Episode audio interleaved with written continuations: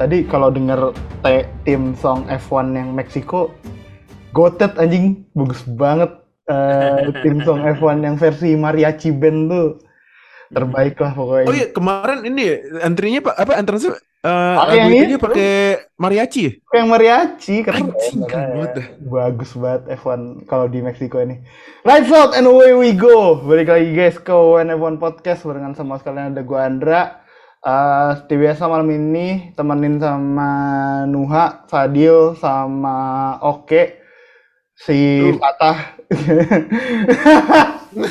Udah deh itu tar aja. Tar aja deh, tar aja. Intinya Fatah lagi menikmati masa mudanya ya. Aduh. Ini bulan Oktober mulai bulan-bulan yang challenging buat fans F1 di Indonesia karena uh, dua race terakhir jamnya sangat-sangat tidak bersahabat. Uh, setelah Singapura sama Jepang sangat bersahabat. Habis itu US sama Meksiko bener-bener jam 5 pagi sama jam 3 pagi race-nya. Pada nonton nggak? Kagak lah, orang udah ketemu juaranya siapa ngapain tonton. Ah, iya Iya makanya. kan, Kan, ketemu. Kalau oke nggak nonton gue tahu karena dia udah kecewa kan sama, sama, sama musim ini kan, ya kan. Kalau Nuha, lu nonton Enggak, apa Pak. enggak? Gue gak nonton soalnya besoknya kerja. Oh besok dia kerja. Oh iya, baik, baik, baik, baik, baik, baik. Kalau Nuha yang apa pemberitaannya positif negatif selama Oktober nonton nggak race yang dua terakhir? sebenarnya nggak perlu gua tonton karena gua udah feeling gua tuh perasaan gua tuh mengatakan kalau misalnya ketika gua nggak nonton itu Red Bull akan segera menjadi juara konstruktor dan di klasmen tabel kalau misalnya F1 upload di sosmed tuh angkanya Oh iya. itu warna emas. Yo, Gila, gila, gila emang. F1 emang penuh dengan konten ya. Gila ya. Udah udah ngelihatnya nggak sakit mata kan? Kalau emas gitu kayak ngelihatnya lebih cerah gitu ya, Nuh ya. Bang, setiap bangun pagi apalagi kalau misalnya malamnya ada race ya kalau kayak di USA sama di Meksiko itu lu lu lu tahu nggak nonton? Tapi ketika lu bangun pagi tahu kalau misalnya lu tuh bakal senyum sumringah di pagi hari dengan menjalani hari dengan semangat itu udah tahu. Karena ah menang nih. Bener dong menang gitu kan. Ah ya udah. Jadi Nah. menjalani hari-hari itu senyum aja gitu kan udah happy aja udah bahagia banget. Tidur cukup, dapat menang juga ya kan? Iya, makanya. Tidur cukup, dapat menang, menghemat uang karena nggak usah langganan. Lihat highlights. Iya. Aduh, nih, ini kita rekaman di akhir bulan Oktober tanggal 31 Oktober. Literally akhir. Iya, beneran akhir bulan Oktober. Eh, kalau kita bisa recap semua pemberitaan, semua headline di bulan Oktober ini, hampir 90% semuanya ngelibatin Red Bull sih. Berita-berita gede. Eh, apa? eh, awal bulan kita disuguhin sama Max Verstappen jadi juara dunia pembalap. Terus di akhir-akhir bulan Red Bull jadi juara konstruktor. Terus di tengah-tengahnya ada pemberitaan yang lumayan kontroversial, eh, cost cap-nya Red Bull yang katanya eh, melewati batas. Terus setelahnya ada berita duka eh, pendirinya Red Bull, Oh iya, dia termasuk. Masic, eh, Yes. meninggal dunia. Terus jelang akhir bulan di berita off track juga ada berita ada eh, berita dari Red Bull lagi di mana mereka ngeboikot Sky Sports di Inggris, Italia sama Jerman. Jadi Nah, Kenapa tuh? eh, gara-gara ya nantilah kita bahas Nanti ya, nanti. komentator ada komentator yang bias lah kalau kata gua. Dan selama Oktober kan ada empat race ya. Iya. Empat empatnya dibenangin Red Bull aja. Clean sweep baby, sapu bersih. Ya ampun, ya ampun, ya. Terus sama tambah Verstappen mecahin rekornya Vettel sama Schumi kan. Ya, yang Yes. 14 wins in the 14 season. wins. 14 winnya season sama New record. kalau nggak salah poin F1 pembalap terbanyak deh eh, Ya. sekarang. Jadi emang Oktober ini eh, whether you like it or not, Red Bull bakal jadi pusat bahasan semua uh, yang lagi bahas F1 gitu loh. Jadi Nah, betul. coba kita bakal uh, bahas beberapa uh, dari awal. Mungkin kemarin di episode yang lalu kita sempat udah bilang karena breaking newsnya pas kita tapping yang episode lalu uh, Red Bull sama Aston Martin terbukti ngelewatin batas cost cap di yang tahun 2021. Red Bull itu uh, ngelewatin batas secara minor. Terus Aston Martin tuh ngelewatin batas, cuman dia prosedural prosedural pelanggarannya prosedural. Jadi kayak semacam telat ngumpulin lah. Dia pasti nggak dia ngerjain laporannya tuh pasti pas pagi anjing. Pagi hari deadline tuh. Baru Iya, SKS, SKS, sengaja biasa. sengaja sengaja datang pagi gitu kan Sengaja, iya, bener. Sengaja datang pagi demi ngumpulin. Jadi yang Red Bull itu dia overspend sebesar 2,2 juta dolar, tapi yang 1,7 dolarnya itu pajak eh, pengeluaran pajak. Jadi sebenarnya ketika yang 1,7 dolarnya itu dihilangin karena tax rebate, semacam tax refund gitu, eh, Red Bull pada akhirnya cuman overspend sebesar 500 eh, ribu dolar atau setengah juta itu dapat denda sebesar 7 mil 7 miliar 7 juta dolar sama pengurangan tes aerodinamika sebanyak 10% dari jatahnya Red Bull buat tahun depan. Uh, hitung-hitungannya gimana nanti bakal kita bahas. Terus kalau buat Aston Martin itu dapat denda 450 ribu dolar uh, tanpa ada pengurangan tes aerodinamika gitu loh. Pelanggarannya apa aja yang dimasukkan sama Red Bull? Eh basically kalau dari 13 kesalahan kalkulasi yang dikeluarin sama FIA itu nggak ada pelanggaran yang buat development mobil. Uh, semuanya tuh soal either catering atau soal HR gitu loh, soal staffing. Jadi ini uh, shout out buat F1 Speed Indonesia yang udah ngerangkum dan menerjemahkan dalam bahasa Indonesia ini gue bacain sedikit 13 ke- kesalahannya itu apa aja.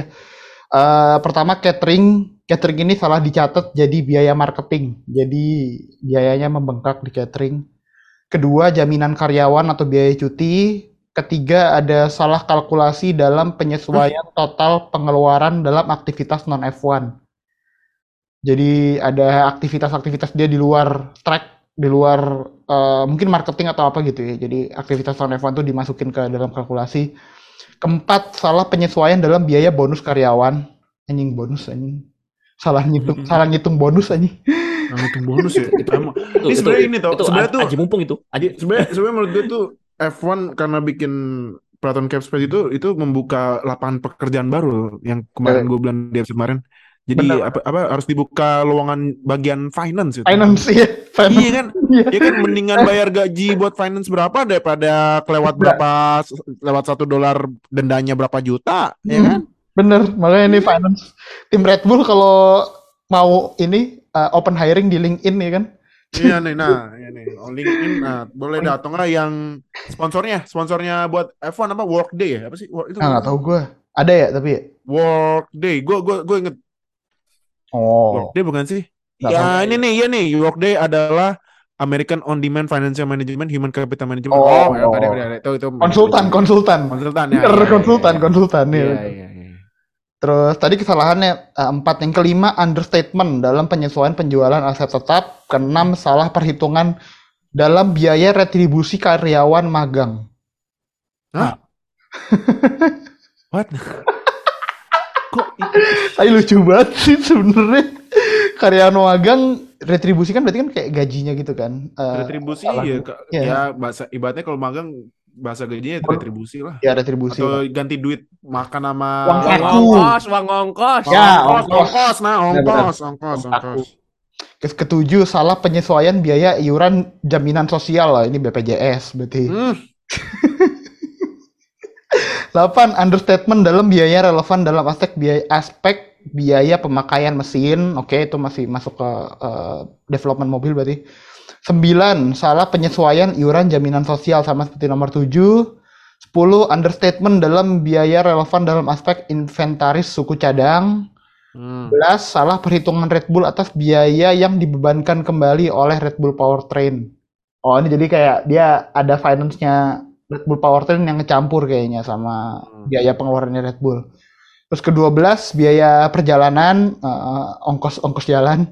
sama 13 biaya pemelihara, pemeliharaan eh, ongkos maintenance gitu. Dari kesalahan-kesalahan yang keluar tadi, ya sebenarnya yang namanya fans F1 malas juga gitu loh mau baca kan kalau ya ya Red Bull cheating atau Red Bull eh, enggak kok Red Bull nggak cheating Red Bull cuman keluarin biaya di luar mobil F1 gitu. Noh menurut lo dengan kesalahan tadi terus hukuman yang diterima itu fair atau enggak? Enggak lah, enggak fair lah. Karena I mean tadi kan udah disebutin ya jumlah spending in total tuh kalau misalnya udah tadi kan kalau yang sampai ada yang berapa yang satu jutaan lebih itu kan itu kan masih gross ya hitungannya ya Mhm. masih kotor lah Iya. dan tadi kan udah sama pajak dan lain-lain cuma nggak nyampe satu juta bahkan cuma 500 ribu US dollar dengan dendanya sampai 7 juta gitu itu kan eh berapa tadi dendanya sorry Iya 7 juta. 7 juta kan ya Iya. sampai 7 juta itu menurut gua agak agak nggak agak agak agak nggak masuk akal sih karena maksudnya overspending itu bukan spending yang benar-benar ada kaitannya langsung dengan mobil gitu. Kayak misalnya overspend di R&D atau di apa. Itu kan ya basically tetek-tetek bengek di luar F1 gitu. Kayak itu tuh kayak ya mungkin ada mismanagement ya gue tidak menyangkal kalau misalnya ada mismanagement juga gitu. Hmm. entah itu tadi ada yang bilang ada apa namanya kelebi- kelebihan bonus lah apalah segala macam gitu. Cuman kalau misalnya mau kita balikin lagi ke hal manusia ya lebih memanusiakan para manusia para engineer inilah. Hmm. mereka kerja almost hampir 24 jam bisa jadi gitu. Ngedevelop mobil riset apa segala macam bikin biar Max Verstappen tuh bisa juara. Ya masa lu nggak kasih bonus? Masa lu nggak Iya, kasih bonus yang masa nggak kasih bonus yang lebih gitu. Wah ini gila nih. Usaha lu hasil riset lu bisa bikin mobil yang bisa sekencang ini sepowerful ini. Ya masa lu nggak kasih reward nggak kasih hadiah gitu kan? Ya logika dasarnya sih kayak gitu ya. Ya jadi menurut gua apa tadi yang dibilang dalam tanda kesalahan menurut gua itu masih dalam batas wajar gitu. Karena bahkan itu bukan dalam hal teknik ya. Itu bukan apa yang dibilang sebuah kesalahan oleh FIA itu tidak tidak ada sangkut pautnya dengan per- permobilan gitu. Nggak ada sangkut pautnya sama sekali kan? Hmm. Paling cuma ada beberapa satu dua gitu. Tapi kan tidak berpengaruh banyak. Hmm. coba kalau kita kita balik nih. Coba kalau emang itu apa namanya kesalahan-kesalahan itu beneran ada sangkut pautnya sama mobil. Itu mobil Red Bull sekencang apa coba? Oh, wow, bisa kelar dibalikin aja gitu ya. Bisa bisa bisa tahun 2021 bisa kelar sebelum Abu Dhabi ya. Abis itu tim-tim lain nggak bisa ngejar yakin gua. Makanya ini tuh menurut gua dendanya tuh terlalu besar menurut gua. Hmm. Nggak make sense gitu. Maksudnya kalau emang teknik tekniknya cuma segitu kenapa dendanya harus sebanyak itu gitu. Gua masih belum bisa mencerna aja apa apa FIA lagi gabut lagi karena Red Bull lagi di wah lagi di tengah-tengah spotlight media. Ah gue mau ambil gue mau ambil spotlightnya nih. Ah minggir lo Red Bull. FIA langsung kasih denda. Tet gitu. Biar peng- pengen diomongin juga pengen diomongin sama orang gitu kan. Ah gue nggak mau nih Red Bull mulu yang diomongin nih. Gue Hmm. mau FIA juga punya power nih. Gue denda lu mampus lu kan. Ya oke gitu nggak apa-apa juga. Cuman balik lagi gue tidak merasa denda yang dikasih sama FIA itu masuk akal sih menurut gue karena it's way too much Iya, sebenarnya eh, ya banyak, masih banyak pro kontra sih soal eh, soal denda ini. Banyak yang bilang way too much, banyak yang bilang kurang malah. Karena Red Bull ibaratnya curang nih Red Bull buat juara tahun 2021 harusnya mereka lebih lebih parah gitu hukumannya. Iyalah orang dikasih kenapa kenapa tadi kan dibilangkan overspendnya karena catering ya Hmm. cateringnya mahal makanya enak makanya bisa performance bisa bagus gitu kan tim lu kasih makannya apa pop mie Nasi kotak, nasi kotak masih bagus. Eh, kasihnya mie instan sih makanya nggak bisa nggak bisa menang kan tuh mogok mulu mobilnya Aduh, iya iya iya iya. Eh, Oke, kemarin kan sebenarnya ada wacana katanya Red Bull mau dikurangin 25% dari total tes aerodinamikanya terus akhirnya nego-nego-nego akhirnya cuma dikurangin 10%. Mungkin nggak Hmm. cuman ya, tapi sebenarnya menurut lu efeknya bakal segede apa sih eh, tes aerodinamika dikurangin 10%? Berarti kan nanti eh, Red Bull punya 70% nih eh, buat tahun depan seba- sebagai juara constructor. Eh, total waktu buat tes aerodinamika mobil yang tes aerodinamika mobil itu termasuk waktu buat di wind tunnel eh, waktu pakai alat CFD dan sebagainya dari 70% dikurangin 10% dari 70% itu berarti 7%. Berarti 70% dikurang 7% sama dengan sisa 63% dari waktunya Red Bull buat tes aerodin- aerodinamika gitu. Nah, itu menurut lu bakal jadi signifikan atau eh, Red Bull bakal punya jalan lain gitu buat bikin mobilnya di 2023 tetap kompetitif. Hmm, 63%. Ini kita berandai-andai, andai kan standar waktu yang dikasih itu satu jam. Hmm. Sehari dah, jangan satu jam sehari. Nah, 63 persen, 100 63 jam deh biar gampang, sumpah. 100 jam biar gampang. 100 jam ya, 100 jam. Lah 63 persen berarti kan kita cuma dapat 63 jam Mm-mm. aja. Kita kita lebih sedikit 37 jam daripada kompetitor-kompetitor lain lah. Ya dari segi resource memang jauh sih Red Bull. Cuman tetap aja sih. eh gua se- yang seperti yang udah gue bilang kemarin waktu waktu apa Jeep tapping Jepang ya, Iya, tapping Jepang. Ini Nah, itu bakal lebih ngefek sih daripada hanya cuma denda denda dan denda gitu. Hmm, Ya 7 juta ya apa sih gitu buat mereka. Iya. Dibanding gini, 7 juta menurut gua 7 juta itu tidak sebanding dengan kehilangan 37 persen. hmm, 37 persen waktu yang terbuang gitu. hmm. Kalau kalau dilihat ngefek atau enggak, gua belum tahu sih 2023 nanti bakal kayak gimana. Soalnya kan nggak bisa sih kita ngelihat Red Bull aja, kita harus ngelihat kompetitornya juga kan gimana. Hmm.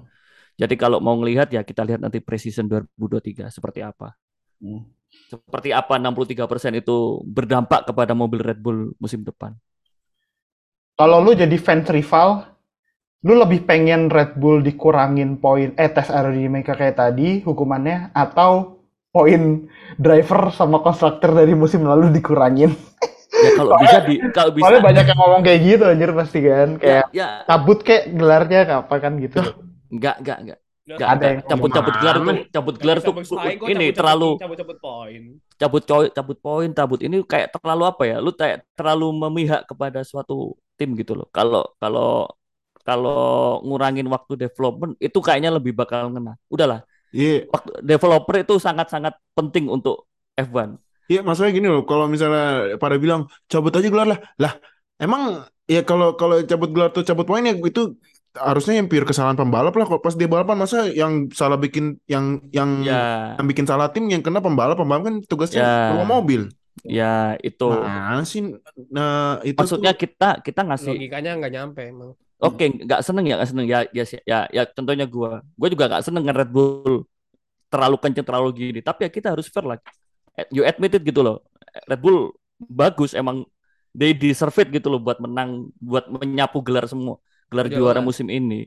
Ya, ya udah, jadi nggak ada alasan buat kita membenci mereka gitu loh. Nah, satu-satunya kesempatan kalau ada mereka melakukan kesalahan kayak gini, ya, ya itu, gua, gua lebih setuju bakal dicabut bakal kalau bisa kurangi sebanyak-banyaknya kayak 10% menurut gua masih bisa lah gila kayak gitu Pas daripada dapat cuma daripada cuma 7 juta men 7 juta kayaknya nggak ada seper iya iya kecil banget sih 7 kecil juta. banget 7 juta se- seriusan Nah. itu kayak cuma buat gaji berapa orang kan 7 Iya. juta itu Bener. Mungkin gaji Adrian Newey lebih tinggi daripada itu aja. ma itu Bisa itu jadi. Sindra Iya. itu kalau gua sih ngelihat dari perspektif itu ya gua gua nggak mau yang jadi fans yang kayak ya ya gimana lah ya kecewa pasti tapi tetap akal sehat lah Kalau kemarin bener dapat 25% lu seneng banget ya.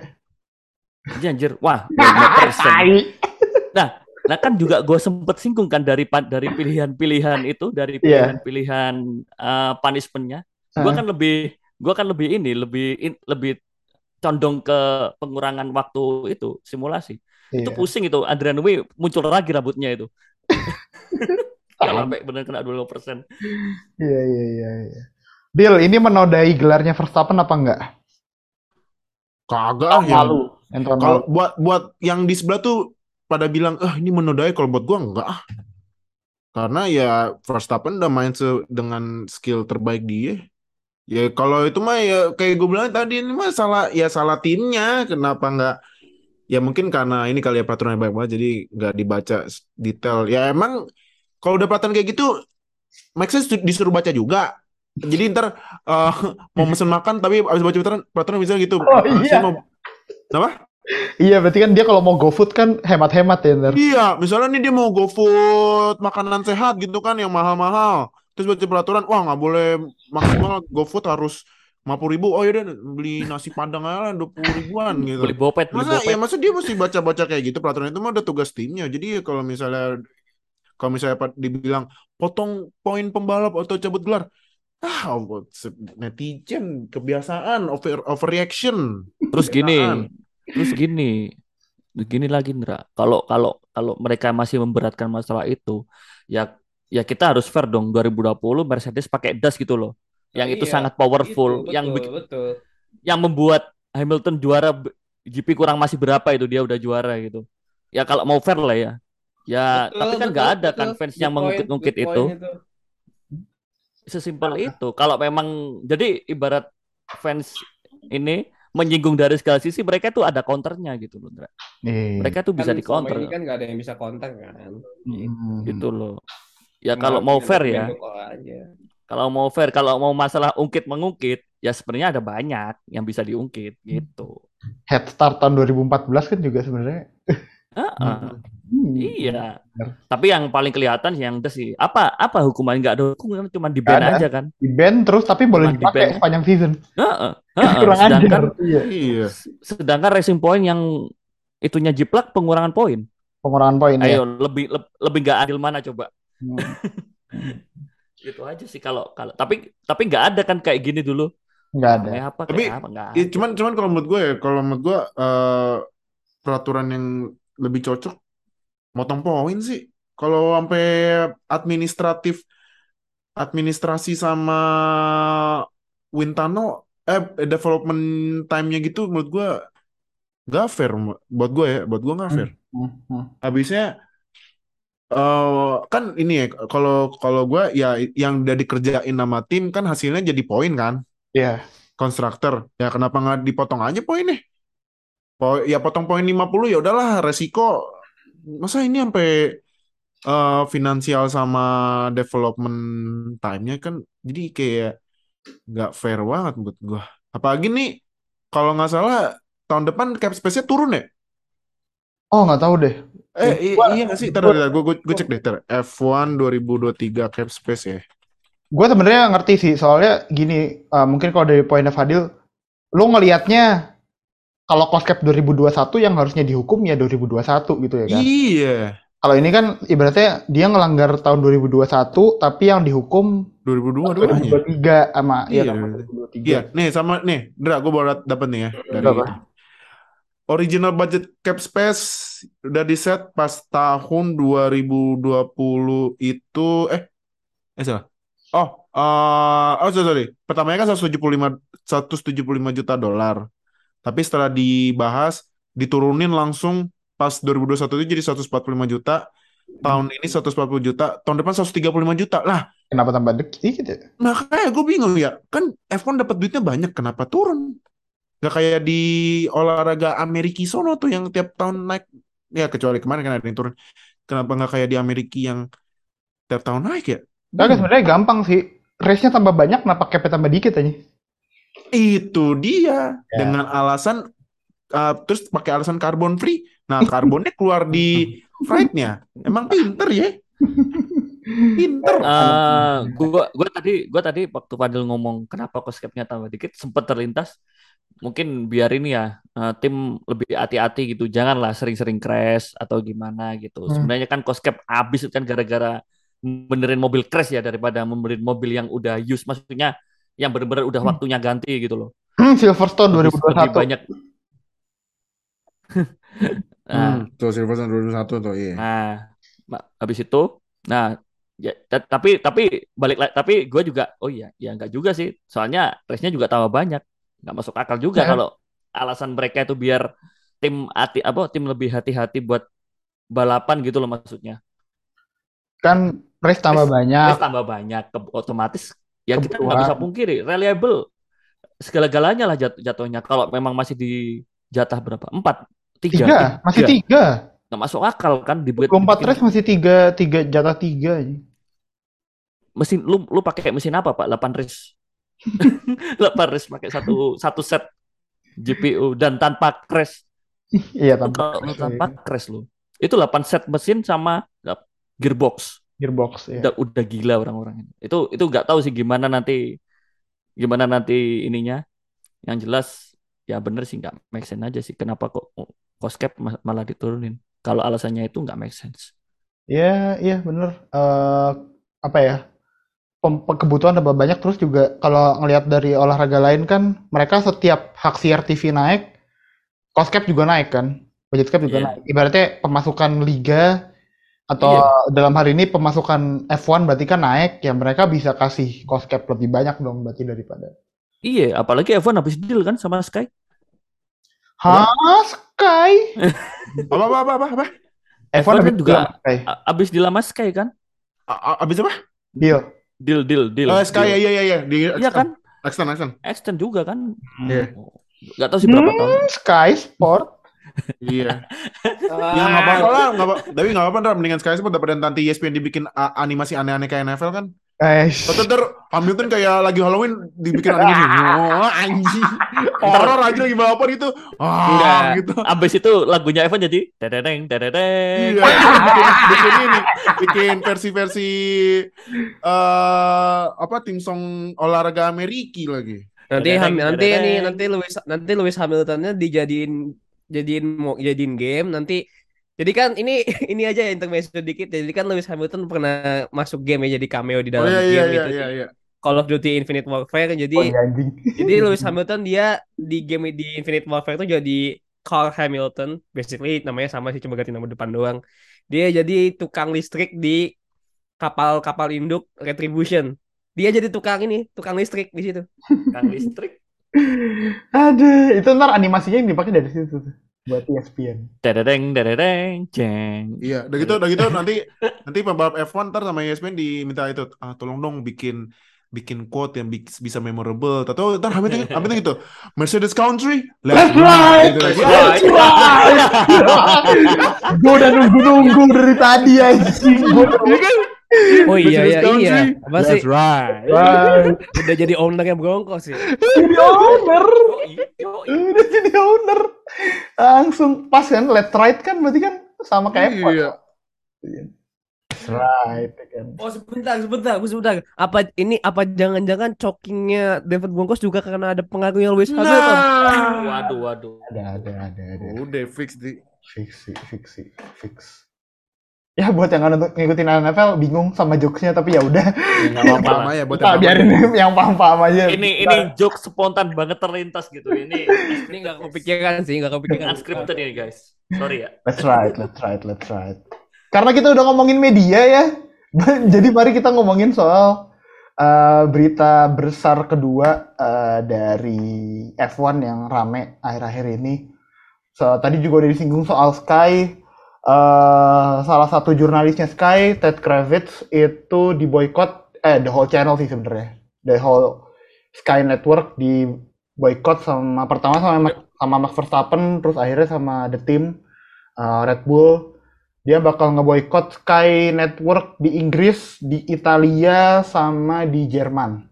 Kenapa tuh? Semua Sky Network bakal di dia bakal diboykot sama Red Bull indefinitely, tanpa batas, Indefinitely. Tanpa batas waktu. Buset, kenapa? Kenapa terjadi pemboikotan ini? Karena salah satu jurnalisnya yang, yang mungkin kalian juga sering lihat lah ya, pasti udah ya pasti itu pasti familiar.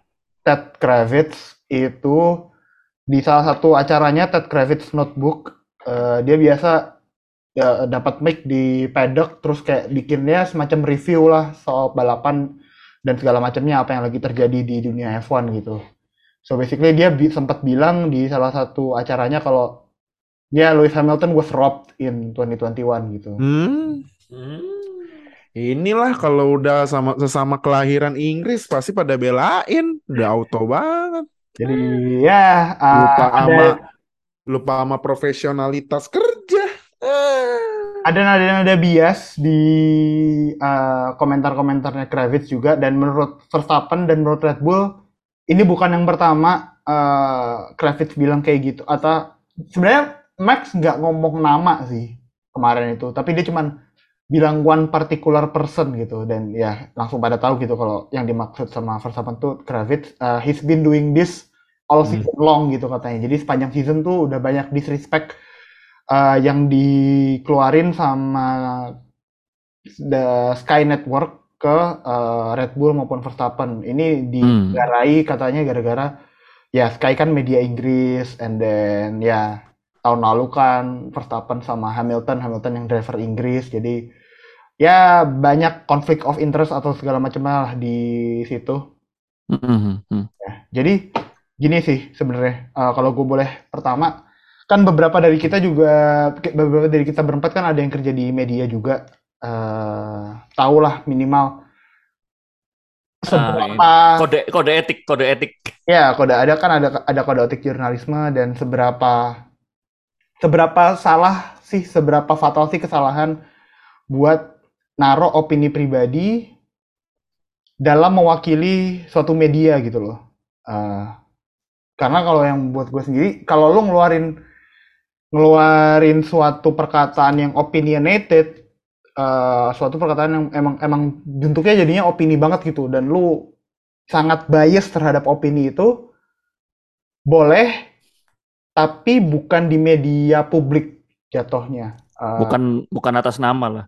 bukan atas nama Sky Sports karena pas itu basically Ted Kravitz membawa nama Sky Sports gitu loh pas uh, dia melakukan hal itu jadi uh, ya pada akhirnya yang kena ya Sky Sports yang kena ya Ted Kravitz juga mungkin kalau Ted Kravitz ngeluarin itu di uh, media Twitternya. sosial Di Twitter podcast kali ya, podcast gitu kali ya. podcast kayak kita gini gitu kan Hmm. atau Pokoknya nggak nggak bawa nama Sky Sport. Iya, sebenarnya Iya. sebenarnya ada juga kan kalau lu baca-baca di koran tuh kan ada kolom opini kan.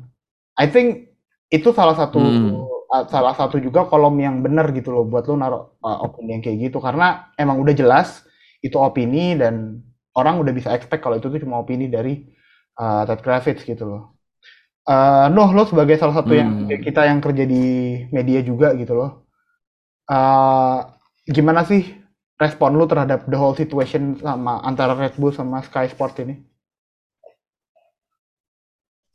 Ah, kalau dari gue pribadi sebenarnya sebenarnya simple sih. It is what it is ya. Karena Ya. balik lagi si si Kravitz itu ternyata dia me, mengak me- apa, melempar opini-opini dia tuh yang gua ternyata bukan di platform yang dia buat sendiri gitu. I mean dia ngomong itu kan masih dengan dengan background dia sebagai Sky Sports gitu. Hmm.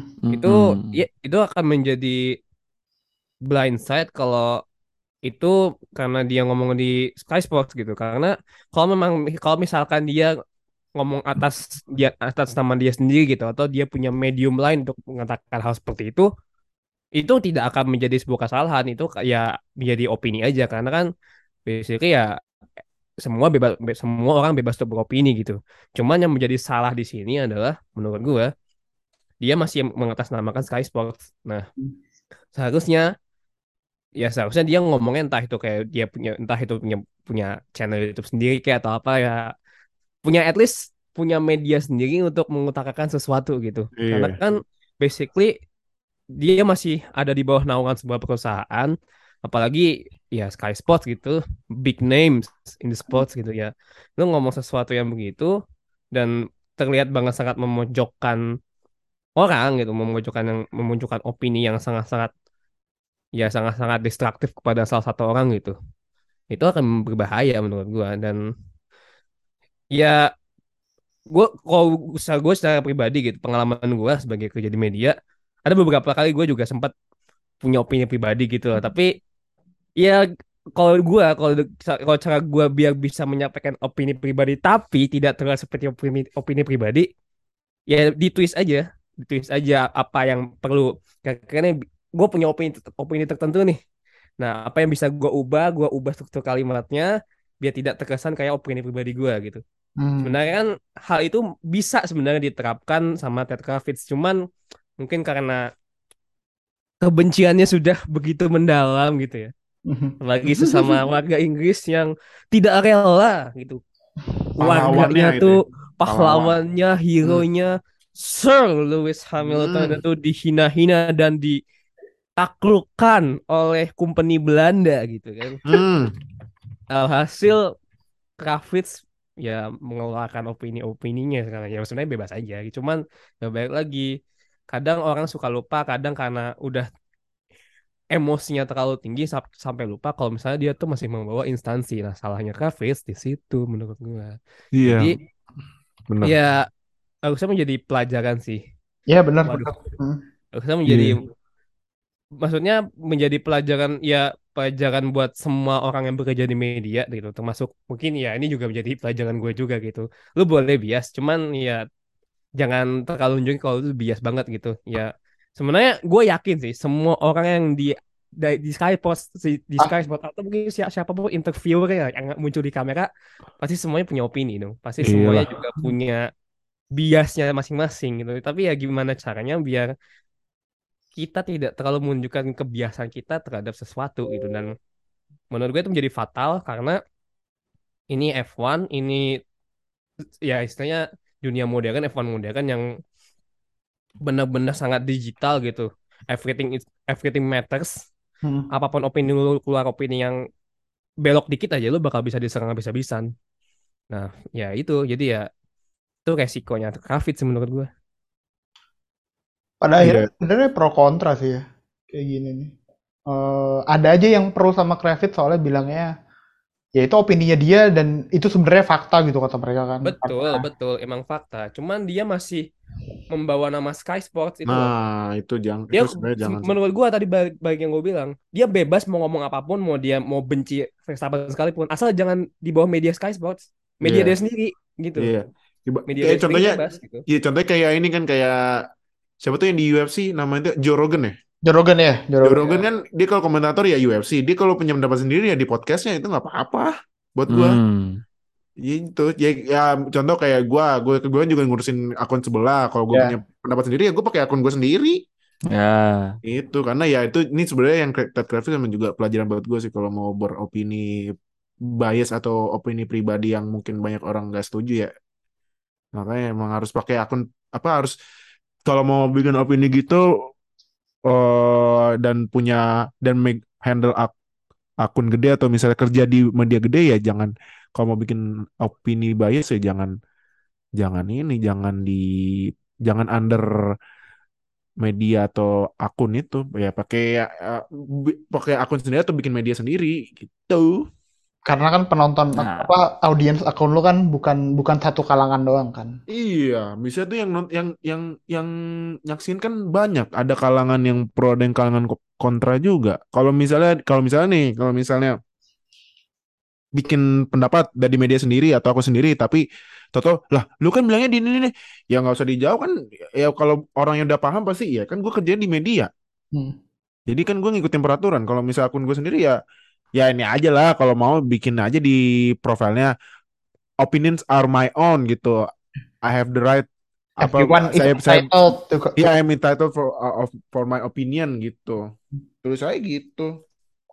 Ya, ya intinya ini juga sih ya dari dari yang yang ngasih komen juga pelajaran, dari yang eh, terima komen juga harus pinter-pinter ini juga sih mainin apa mainin sosmed ya biar tahu gimana pisah-pisahin konteks gitu. Ya nyambung antara dan tadi Ya, ada yang pro ada yang kontra. Gue juga udah tahu sih yang pro siapa. Iya, iya, iya, iya. Kita, kita semua tahu yang pro siapa. Terus, terus, terus. Terus, eh, gini sih sebenarnya. Kan kalau menurut gua nih ya, yang jadi Hmm. kesalahan itu pas Kravitz bilang Lewis Hamilton was robbed. Rob, iya. Kata-kata Salah sih, robbed-nya salah. sih yang salah. Salah. Karena Iya. karena karena kalau kecuali kalau dia bilang gini, misal dia bilangnya di 2021 Michael Masi bikin kesalahan di eh, F1 Abu Dhabi gitu. Itu kan fakta dan sebenarnya bisa kayak kata Nuha tadi itu agak nge-twist ke opini dia tapi bedanya dia pakai fakta buat eh, memperkuat opininya dia gitu loh.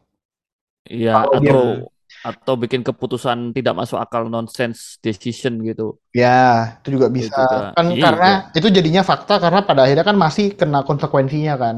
Eh, Iya, itu itu semua mengamini gitu loh. hmm. Semua semua setuju kalau itu keputusannya aneh. Iya, benar. Mm-mm. Eh, jadi emang yang salah tuh di kata-kata Robnya itu karena Max Verstappen menang musim lalu itu bukan cuma dari satu GP Abu Dhabi itu doang kan. Dia kan eh, baik Hamilton maupun Verstappen kan battle the whole season out Ya, eh, buat sa- buat sampai Abu Dhabi dengan jumlah poin yang sama. Sama, iya. Eh, pada akhirnya siapa pun yang menang, they're well deserving of their title gitu loh. Mm-mm. nggak ada nggak ada satu yang dicuri atau gimana gitu loh. Pada akhirnya dia cuman kelihatan kayak tim LH yang lagi nangis-nangis di Twitter aja sih, yang tiap nah, yang tiap hari Senin gue lihat di timeline ada mulu anjing yang dia nangisin, ada mulu. Jadi menurut lu tapi langkah Red Bull buat ngeboikot Sky Sports the whole network ini bener apa enggak sih tapi? Menurut gua eh da- kalau kalau buat gua ya kalau buat overreaction itu gue setuju sih. Ya, iya kan? Iya, abisnya ya misalnya nih Ted Kravitz sudah ngomong kayak gitu, nggak diboykot.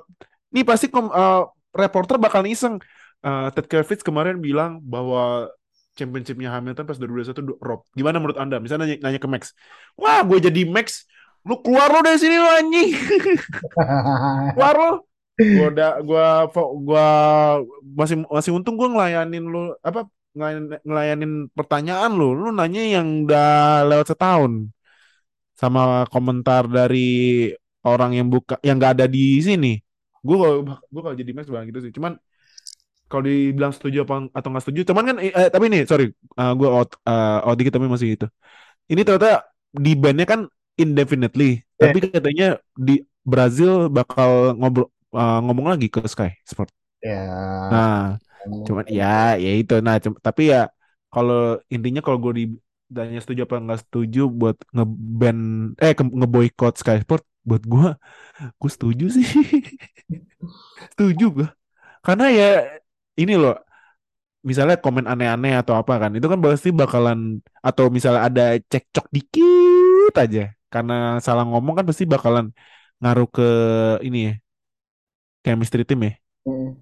ya kan apalagi kan ini udah olahraga yang ya bergengsi emosi keluar banyak lu salah ngomong dikit aja ada hmm, ya eh, udah ada jadi buat gue sih setuju gue ngeband Sky Sport bisa sendiri Kayak lu setuju nggak kayak kalau kayak gitu ngeband gitu? hmm, untuk sekarang momennya pas sih. Gue sih setuju, cuman jangan identify identif indefinitely lah. Oh. Ya kita, kit- intinya gini ya, eh, ya ki- kita juga harus ngasih shock terapi lah sebagai media. Lu nggak nggak bisa seenaknya gitu Hmm. melontarkan statement apa statement apa pun statement lah yang itu menyinggung. Ini nggak nggak berlaku buat Red Bull juga. Ini juga harus berlaku pada semua tim. Jadi terkesan biar nggak F1 ini nggak dikuasai sama media gitu. Gue sih bagus sih langkahnya ini. Biar tahu aja itu loh. Eh, biar tahu aja kalau media tuh nggak bisa seenaknya. Itu aja sih. Ngasih tahu aja itu. Jadi next time mungkin Sky Sport kalau ada kasus kayak gini lagi yang melibatkan tim lain, mungkin ntar ini eh Haas sama Aston Martin gue bertarung di bawah. Tahu-tahu juga ada konflik kayak gini, mereka juga eh, media juga nggak bakal seenaknya juga gitu. Hmm. Gitu Ya. sih. Oh ya, jadi jadinya gue jadi mikir gitu. eh, waktu buat interview tuh kan, buat waktu buat interview narasumber buat sebuah media kan sesuatu yang berharga gitu ya. Hmm. Eh, ketika lu nggak bisa dapat hal itu, lu kehilangan satu sumber berita lu, lu kehilangan satu sumber pemasukan lu gitu. Hmm. Noh, menurut tuh langkah boykot ini bakal efektif nggak buat, bukan cuma buat Sky Sports jadinya, jadinya buat seluruh media yang eh, affiliated sama F1 gitu loh. Eh, apakah langkah boykotnya Red Bull ini bakal bisa menjadikan mereka apa ya semacam ya less opinion less opinionated atau less bias gitu buat bukan cuma buat Red Bull tapi buat tim-tim lainnya yang ada di grid itu uh, menurut bakal efektif nggak sih Noh? dinilai efektif atau enggak kita harus lihat sih nanti impact-nya setelah ini bakal gimana karena ini gue baru pertama kali juga mendengar ada media yang diboykot sama tim F1 gitu karena Sih. Ya balik lagi ya salah dia juga gitu. Cuman kan ini kan harusnya juga menjadi pelajaran bagi siapa pun lah bagi media mana pun entah itu Sky Sports, Sky Sports ataupun pemegang hak siar gitu. Untuk ya lu ngebrief kayak interview lu jangan ngomong sembarangan gitu intinya. Nah, jangan ngomong sembarangan dan kalau mau beropini ya silahkan. Asal jangan membawa nama media kami. Kayak gitu aja sebenarnya. Tat- karena kan ini kan imbas dari dalam tanda kutip asal ngomong sebenarnya Iya sih, bener. Ben- dari Nah. efek dari asal ngomongnya si Kravitz Hmm. gitu jadi menurut gua jadiin bisa jadi pelajaran lebih lebih biar ya biar ad- emang kadang tuh perlu perlu ada contoh sih kadang perlu ada contoh dulu. Biar orang itu sadar kalau apa yang dilakuin itu salah gitu. Nah, iya itu makanya. Langkah perlu ada contohnya dulu ya emang kadang-kadang manusia ya. Emang tabiatnya manusia tuh kadang memang perlu dikasih contoh dulu baru berubah gitu. Nah, terus balik lagi sama sama statement Andra tadi. Wartawan kan waktunya terbatas. Nah, udah tahu lu waktu lu terbatas, ngapain ngomong yang aneh-aneh? Kan gitu. Iya bener, bener, bener, Iya kan? Bener. Ini ini ini ini logika aja. Gua yang bukan orang media aja juga sangat paham sangat paham banget gitu logika itu gitu ya. Bener kita dikasih waktu terbatas ya kita harus manfaatkan sebaik-baiknya kan, bukan malah di buang-buang begitu aja gitu. Iya. yang nggak tahu ya itu nanti gimana sikap Sky, gua gua gua sekarang lebih penasaran ke sikap Sky Sportnya sih. apakah menganggap itu kejadian biasa atau mereka akan juga mikir waduh rugi nih gua nah kita lihat nanti waktu Brazil Iya. apakah masih ada nama Ted Kravitz atau tidak Iya. Dan gue kalau misalnya nih kalau kalau ini ya kalau gue misalnya jadi Ted kalau gue bisa jadi orang Sky Sport gue bakalan ban Ted Kravitz beberapa race dulu deh. shock terapi ya shock terapi ya Iya, shock terapi ya biar biar lu yang bener ngomongnya jangan macam-macam lagi karena nih sumber cuan kita juga ada nih di Red Bull gitu buat beritain. Nah, gara-gara lu kita di ban sama timnya. Mau ambil cuan dari mana? Dari tim itu tuh yang ngomel mulu kok. Hmm. Atau mau ngambil dari ini yang calon pengangguran tahun depan dan Nah, dan iya. itu dan- waduh waduh waduh waduh waduh yang waduh, sekarang waduh. kerjaannya yang kemarin sempet ini apa eh, sempet bikin konten nama atlet NBA sama NFL tuh. yang nabrak Sunoda tapi dapat driver of the day Iya anjing. itu anjing itu aneh itu aneh banget sumpah. Kok bisa ya? Kok bisa ya? di, di Amerika ya, ya. di Amerika ya Itu aneh banget di, Mek- di Meksiko, Meksiko, tadi. Meksiko, Di Meksiko. Meksiko. Iya serius Meksiko. Iya. Aneh. Kok ya bisa dari ya? si- dari situ kita tahu lah kita bisa bikin demografi penonton F1 fans F1 di seluruh dunia Iya. Habis itu ini lagi eh oh ini out, out dikit cuman eh, ini ya momen-momen abis race ya. Ini kan yang driver day kan momen abis race ya. Heeh.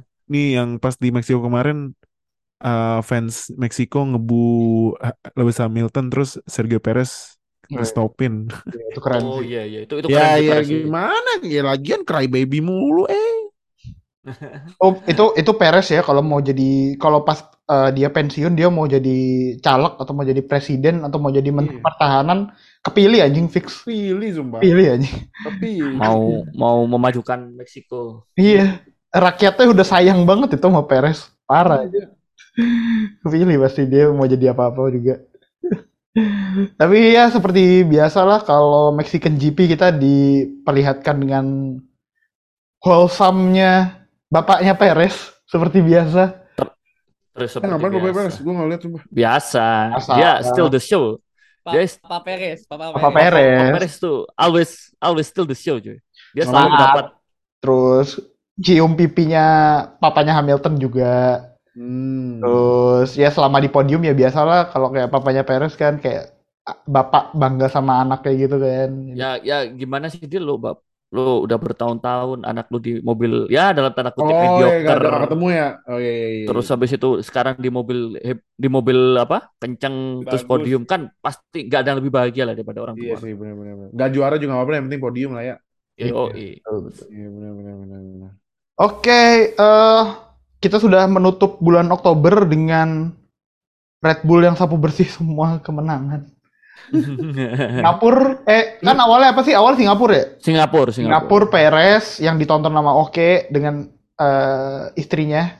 PG seru ya, seru ya. Seru. Oh, seru sekali mendengar mendengar raungan mesin Red Bull dan Ferrari. Aduh, aduh, aduh, nggak pernah lihat mobil Ferrari lah sekali melihat mobil Ferrari. Nggak pengen pulang gua. Terus dari Jepang sampai Meksiko Verstappen semua. Anjir. Eh, Oh iya, waktu Singapura ya nggak ketemu pembalapnya nggak apa. Yang penting ketemu inilah mantan pembalapnya lah. ketemu masa ya di Oh, Apple masa, Store. anjir. Anjir, itu itu itu kayak random banget gitu. Mau servis itu atau mau PO iPhone 14. Enggak, dia mau PO Mac, mau beli MacBook. Dia dia pulang bawa MacBook. Hmm, Nggak tahu buat apa itu. tahu aja lagi lu buset. Ya, ya soalnya gua kan lagi PO kan waktu telepon 14 itu. Gua masih proses payment gitu. Dia udah pergi anjir bawa MacBook. Anjir cepet banget. Banyak banyak duitnya nih orang. Apa dikasih gratis ya? Aduh, ya. Terus ya Singapura, Jepang, Itu eh bentar, Barat. boleh bahas Singapura dikit gak? Yang Boleh. rencananya ini track ganti layout. udah bukan rencana, Dil. Udah Udah ya, udah Udah fix. ya. ya? udah resmi. Ah itu itu ah jadi gue cerita nih, gue kan punya teman kan teman. eh, jadi tuh gue pernah di interview sama dia, dia eh, kerja di media kan. Terus dia kemarin di Singapura jadi fotografernya. Nah pas tahu itu yang tikungan yang lewatin bawah tunnel ya, yang Bay, the Bay. penonton. Bay Ya, the. Bay. Terus diganti jadi lurus, dia langsung bilang, Alhamdulillah, gue jalan gak pegel-pegel lagi, nggak mesti belok-belok, tinggal lurus doang. Habis itu emang, itu menurut gue ya, kalau gue main game F1 ya, ribut sumpah itu tikungan, bener dah. Udah gitu, curbsnya tinggi. Ya. Terus terus lu tahu nggak? Itu apa? Gara-gara tikungan itu dihilangin, waktu sirkuitnya jadi lebih cepat 20 detik, Pak. 20 detik. 20 detik. Anjir, serius. Iya, iya, iya. Iya, iya, iya sih. Jadi- kiri, kiri kanannya lama ya? Iya Nah, sih. ah, jadi total jadi rata-rata maka bakal 130 sih. Bisa bisa bisa Anjir. 129 itu. Udah udah gila emang. Makanya selambat itu sih Dan. Kan itu emang juga sempit deal. Makanya itu ntar bisa jadi overtake ini kan, overtake season kan. Eh, Iya kan ini DRS dan bakal dipasang DRS. Oh, itu pesan di Ares. pasang Oh, habis itu DRS. langsung ini ya, langsung belokan kiri yang deket Las- pit ya? langsung belok kiri langsung dekat belok kiri, pit. pit. Iya, mantap sih. Iya, di belok kiri dekat pit langsung Singapore Flyer udah main straight. Iya, iya, iya. Ya. Tanda Ya, semoga Jadi, nonton. Tuh. Ya, apa mau kalau, nonton kalau mau di GP lain? GP lain? tapi tapi kalau mau nonton sih emang gua saranin tikungan 78 itu perfect banget sih. 78 nih. Deket dan pelan mobilnya. Lu temen gua yang katanya waktu nonton kualifa- kualifikasi itu kan hujan terus ya. Itu aja nggak nggak kelihatan kok katanya. Pengen, kelihatan. pengen aja. Saking, Serius? saking, saking kencengnya. Seriusan. ya udahlah, ya udahlah gua gua habis itu udahlah nonton tikungan aja lah. Gua pengen Tapi- mobil. Tapi overall lu kemarin nonton di Singapura dari 1 sampai 10 berapa nilainya? gua Hmm, kalau kalau nggak hujan sih 10 deal, seriusan. 10. kalau nggak Tapi hujan karena nih. hujan jadi berapa? 8. Hmm. 8 ya? Heeh. Oh. Apa saran? Apa saran? Emang kendala Singapura tuh kalau misalkan ada ada event-event besar gitu ya, event-event besar internasional tuh kayaknya emang masalahnya cuma satu dah, Hujan. Hujan Iya, iya, emang Soalnya rata-rata rata-rata di bulan-bulan gini kan. Iya. Iya.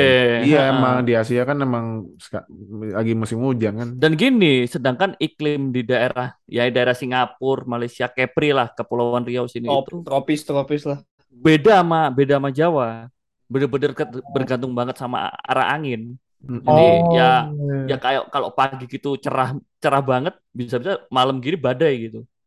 Oh, Se serandom itu cuacanya. iya. Jadi Mm. Ya, tambah tambah tambah susah diprediksi ya intinya. Bakal kayak apa? seriusan Singapura kan ini punya stasiun cuaca gede banget itu. Kurang, kurang, lah ya makanya kan masih kurang gitu. Itu itu gila sih.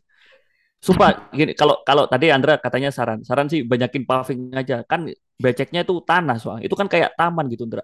Yang Oh, di tempat tanah. gue. Iya, iya. Tanah itu yang bikin becek anjir. Sepatu gua udah u- u- udah cuek sih bener sih, bener udah cuek. Sepatu gua kayak udah kaos kaki gue yang putih jadi hitam itu kan air masuk semua kan lewat sepatu. Beli AP boot berarti lu buat tahun depan. Hmm, Iya, cuman tahun depan kan Red Bull bakal pelan. Nah, yuk, Eh, nonton nggak tuh? Motor Ferrari dia kan? Oh, oh iya Ferrari. Kan Ferrari. Ferrarinya, Ferrarinya juga eh, nanti juga ngebut, ngebutnya di belakang tapi. Gue tuh, gua- gua tuh kemarin kalau Ferrari menang, gue jalan ke podium. Berhubung juara dua ya bodo amat lah nonton Green Day. lebih lebih le- lebih worth it kayaknya. Gak dengerin, gak dengerin national anthem Italia jadi nggak usah lah. ya. Kayak- iya nggak usah lah. Ah, ya itulah Oktober yang sangat eventful buat WNF1 dan juga buat fans Red Bull di seluruh dunia. Eh, tinggal dua race lagi. Apakah nonton?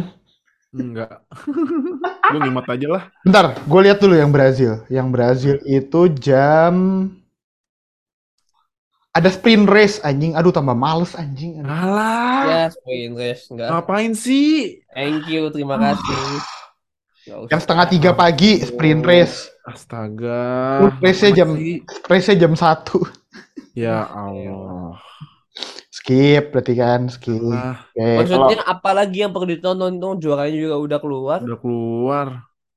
kita lihat kalau Abu Dhabi GP 2022 schedule. Ini Kalau mungkin kalau Abu Dhabi boleh dah, soalnya kan itu banyak farewell tuh. Iya, banyak farewell. Oh iya iya iya. Apalagi Ya, Farewell Abu ini kok pembalap terbaik dalam sejarah ya Go TV. Go TV. Go TV. Oh, kalau Abu Iya. Dhabi, Abu Dhabi jamnya lancar, jam 8 kayak biasa. Iya, iya kalau kalau Middle East yang nggak normal cuma Arab doang kemarin, agak maleman dikit. Ya, jam 8 mah ya nonton lah kalau itu mah. Farewell. Nonton lah. Nonton Oke, lah. kalau gitu eh, kita sudah menamatkan F1 di bulan Oktober, kita sudah menamatkan F1 musim 2022, udah ada juara dunia pembalap, udah ada juara dunia konstruktor, Udah tinggal tamat anjing, udah tamat anjing. tamat. ini. Udah tamat. Udah udah play safe and sound ini harusnya. Enggak, ini Iya. ini tuh udah kalau ibarat game tuh udah side quest aja ini tuh udah. Side quest Iya, sih bener. nyari Side side quest. Iya, side gitu. quest buat Biar biar, biar 100 nah, 100% biar- di Iya, PS. biar Biar 100%. completionnya 100% 100%. gitu. Bener, bener, bener, Jadi bener. apa campaign mode-nya tuh udah udah tamat. Jadi Iya. tinggal tinggal perintilan-perintilannya doang nih. Maksudnya kan juara apa final bossnya udah men- udah dapet, terus juara udah menang. Mau cari apa lagi coba? Biar completion aja 100% itu. Side quest side questnya entah itu Hamilton yang side questnya tiba-tiba jadi tukang listrik kan atau apa kita nggak tahu gitu kan. Ja- Nyari-nyari side quest aja sekarang sisanya mah. Hamilton masih nyari menang itu kan dia pegang rekor semua season yang dia laluin dia selalu menang kan. Enggak lah, skip, skip, skip, skip. Tahun ini skip. Enggak, enggak. tahun ini skip. skip, skip, skip, skip, skip, skip lah, masa menang terus. Oke, eh, itu aja buat eh, review Meksiko dan USGP dan beberapa berita ber- berita berita yang lumayan berat di F1 di akhir pekan akhir pekan ini dan akhir pekan lalu. Eh, thank you buat Nuha. Oke, Fadil sudah menemani pada episode kali ini. Jangan lupa follow sosial medianya WT WNF1 atau WNF1 official di Twitter. Eh di TikTok kemarin tiba-tiba ada video baru, gue bingung tiba-tiba ada, jadi ya bolehlah di follow juga TikToknya atau NF1 official, di IG juga atau NF1 official sama semua pokoknya. eh jangan lupa juga follow podcast kita di Spotify biar tahu setiap ada episode-episode baru. Thank you buat semua yang udah dengerin. We'll see you guys in our next episode. Bye guys. Bye bye.